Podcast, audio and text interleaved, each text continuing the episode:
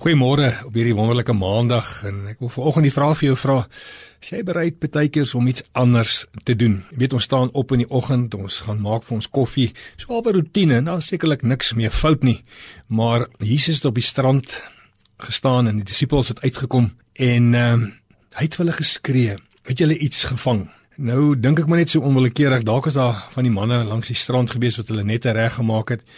Want hulle het al reeds vroeg uitgekom want hulle het niks gevang nie en hulle seker by hulle self gedink ons het niks gevang nie. Hulle gaan verseker ook niks gevang het nie. En dan het hierdie manne in die boot so half geïrriteerd gewees want as jy moeg is dan is jy so half bietjie geïrriteerd en dan uh, kom dit so uit die boot uit ons het niks gevang nie.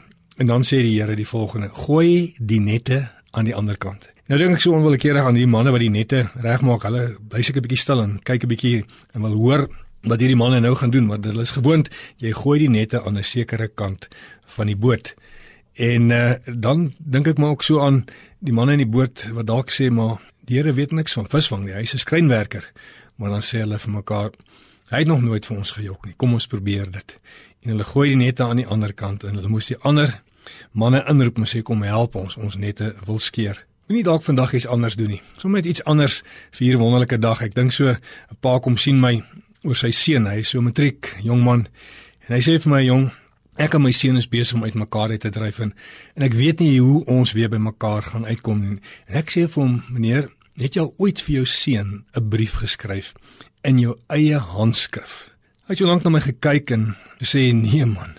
Uh ek kan vir mekaartjie gaan koop." Sê ek, "Nee nee, dis die probleem." Kom ons doen iets anders. Kom ons skryf vir hom 'n briefie. En die pa het 'n briefie geskryf En die getuienis daarna was so wonderlik, want hierdie pa het hierdie briefie in die toebroodjie tussen die jam en die botter ingedruk. En toe daai ouetjie pouse die brood hap, het besef hy maar hier hier's nou iets fout en hy haal hierdie stukkie papier tussen die jam en die botter uit. Toe hy hom oopmaak, het daar binne gestaan: "Seun, pa's mal oor jou." 'n Radikale verskil. Sy vriende kon nie ophou daaroor praat nie. So kom ons doen vandag iets anders. Dalk 'n SMS vir jou vrou of vir jou man net vir iemand glimlag of iemand vir iemand sê, "Weet jy wat? Jy lyk fantasties."